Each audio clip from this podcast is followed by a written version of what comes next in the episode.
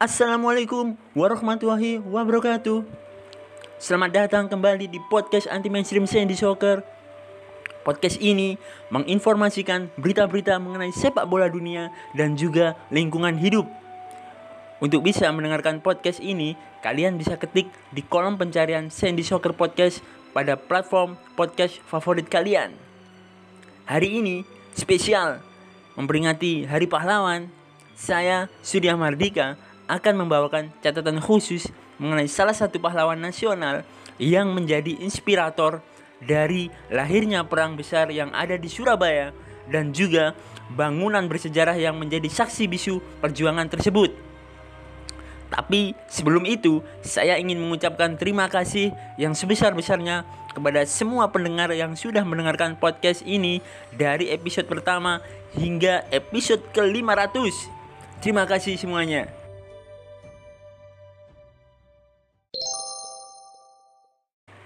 Kita sudah mengetahui bahwa Bung Tomo merupakan salah satu tokoh yang punya peran penting dalam peristiwa perang 31 hari di Surabaya atau biasa kita sebut sebagai perang 10 November. Namun ada satu pertanyaan yang selalu terbersit di dalam benak kita. Melihat sebuah foto yang menampakkan wajah Bung Tomo sedang berorasi di salah satu tempat.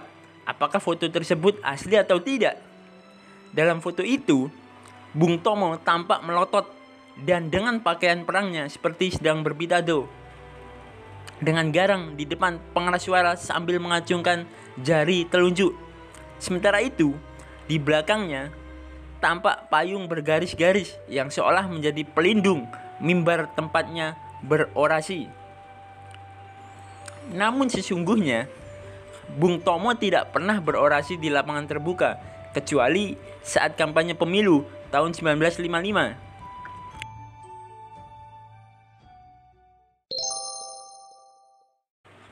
Selama pertempuran itu, dia lebih banyak mengobarkan semangat para pejuang dengan pidato yang disiarkan melalui radio.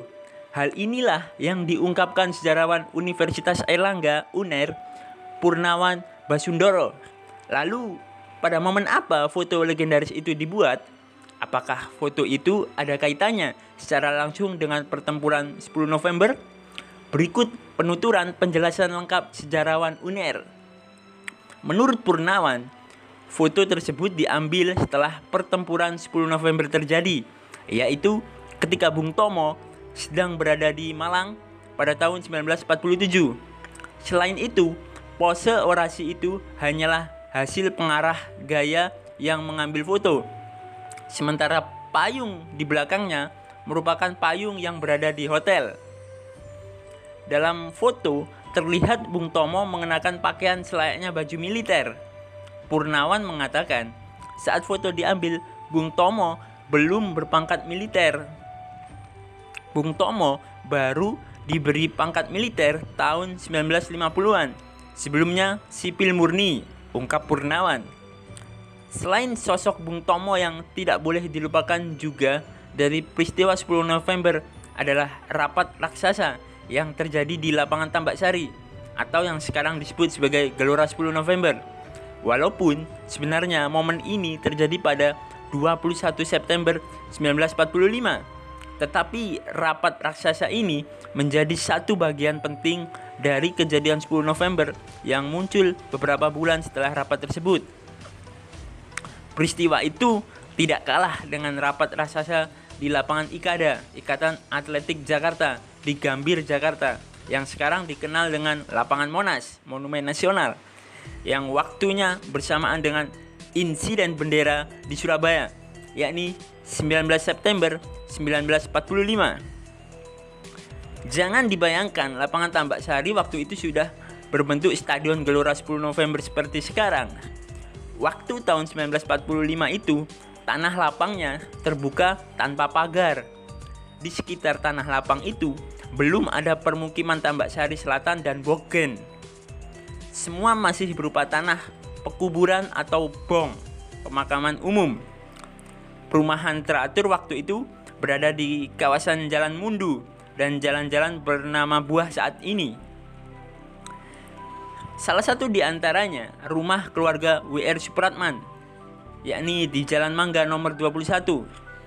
Kawasan perumahan lainnya dekat Gereja Kristus Raja, Jalan Teratai, serta kawasan pemukiman milik DKA, Jawatan Kereta Api, sekarang PT KAI, Kereta Api Indonesia, di Pacar Keling.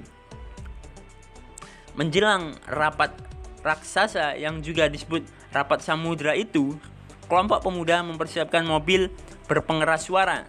Mereka berhalo, halo, keliling kampung di dalam kota Surabaya memberitahu tentang akan berlangsungnya rapat umum di Tambak Sari.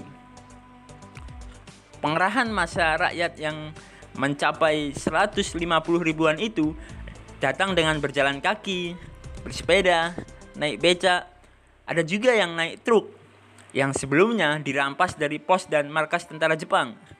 Bahkan ada pula pemilik truk yang memperbolehkan truknya dipakai pemuda untuk ke lapangan Tambak Sari.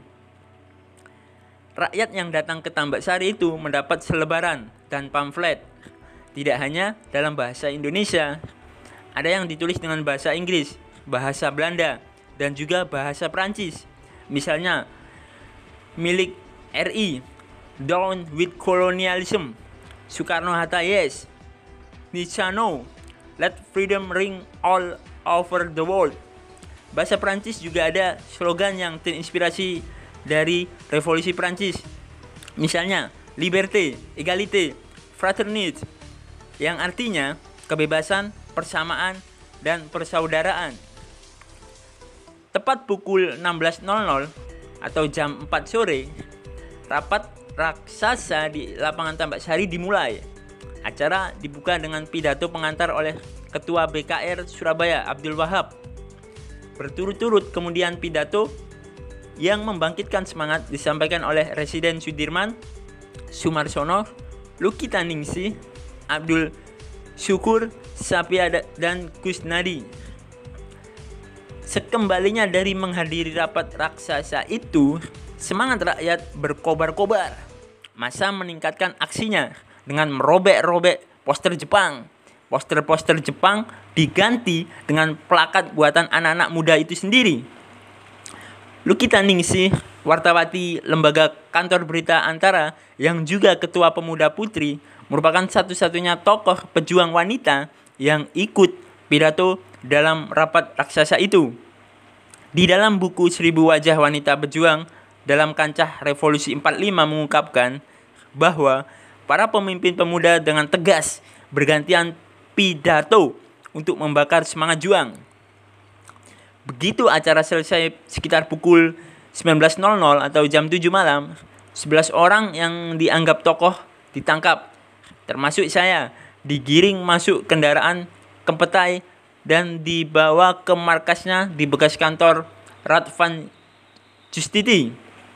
Pengadilan tinggi zaman Belanda kala itu yang sekarang sudah hancur dan di tempat itu didirikan Tugu Pahlawan. Sejak ditangkap, kami yang 11 orang itu ditempatkan di sebuah ruangan besar, kata Lukita Ningsi. Kami menunggu nasib, entah mau diapakan.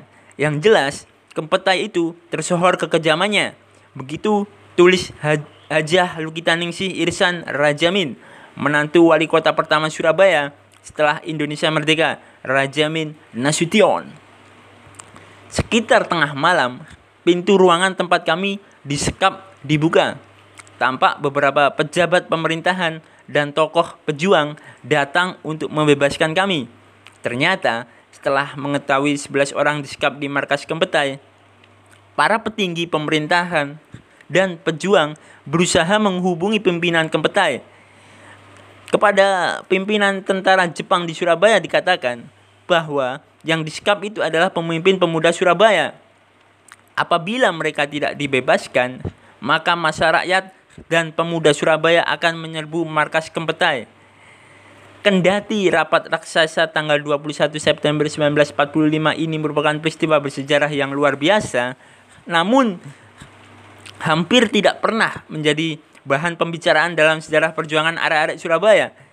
Mengapa peristiwa besar yang disebut rapat raksasa atau rapat samudra di lapangan Tambak Sari tanggal 21 September 1945 seolah-olah lenyap dari sejarah perjuangan arek-arek Surabaya. Demikian materi yang saya sampaikan hari ini. Semoga materi kali ini bisa menambah pengetahuan bagi kita tentang pahlawan nasional Bung Tomo sekaligus menambah rasa cinta dan nasionalisme kita terhadap negara kesatuan Republik Indonesia.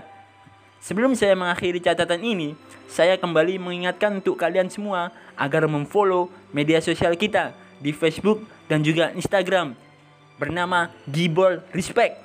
G I B O L R E S P E C T agar terus mendapatkan informasi terbaru mengenai sepak bola dan juga lingkungan hidup. Tapi jangan lupa, setelah ini masih ada rangkaian Hari Pahlawan yang akan muncul di episode selanjutnya. Tetap pantau terus podcast Anti Mainstream Sandy Soccer. Terima kasih. Wassalamualaikum warahmatullahi wabarakatuh. Sampai jumpa di episode berikutnya. Merdeka, merdeka, merdeka.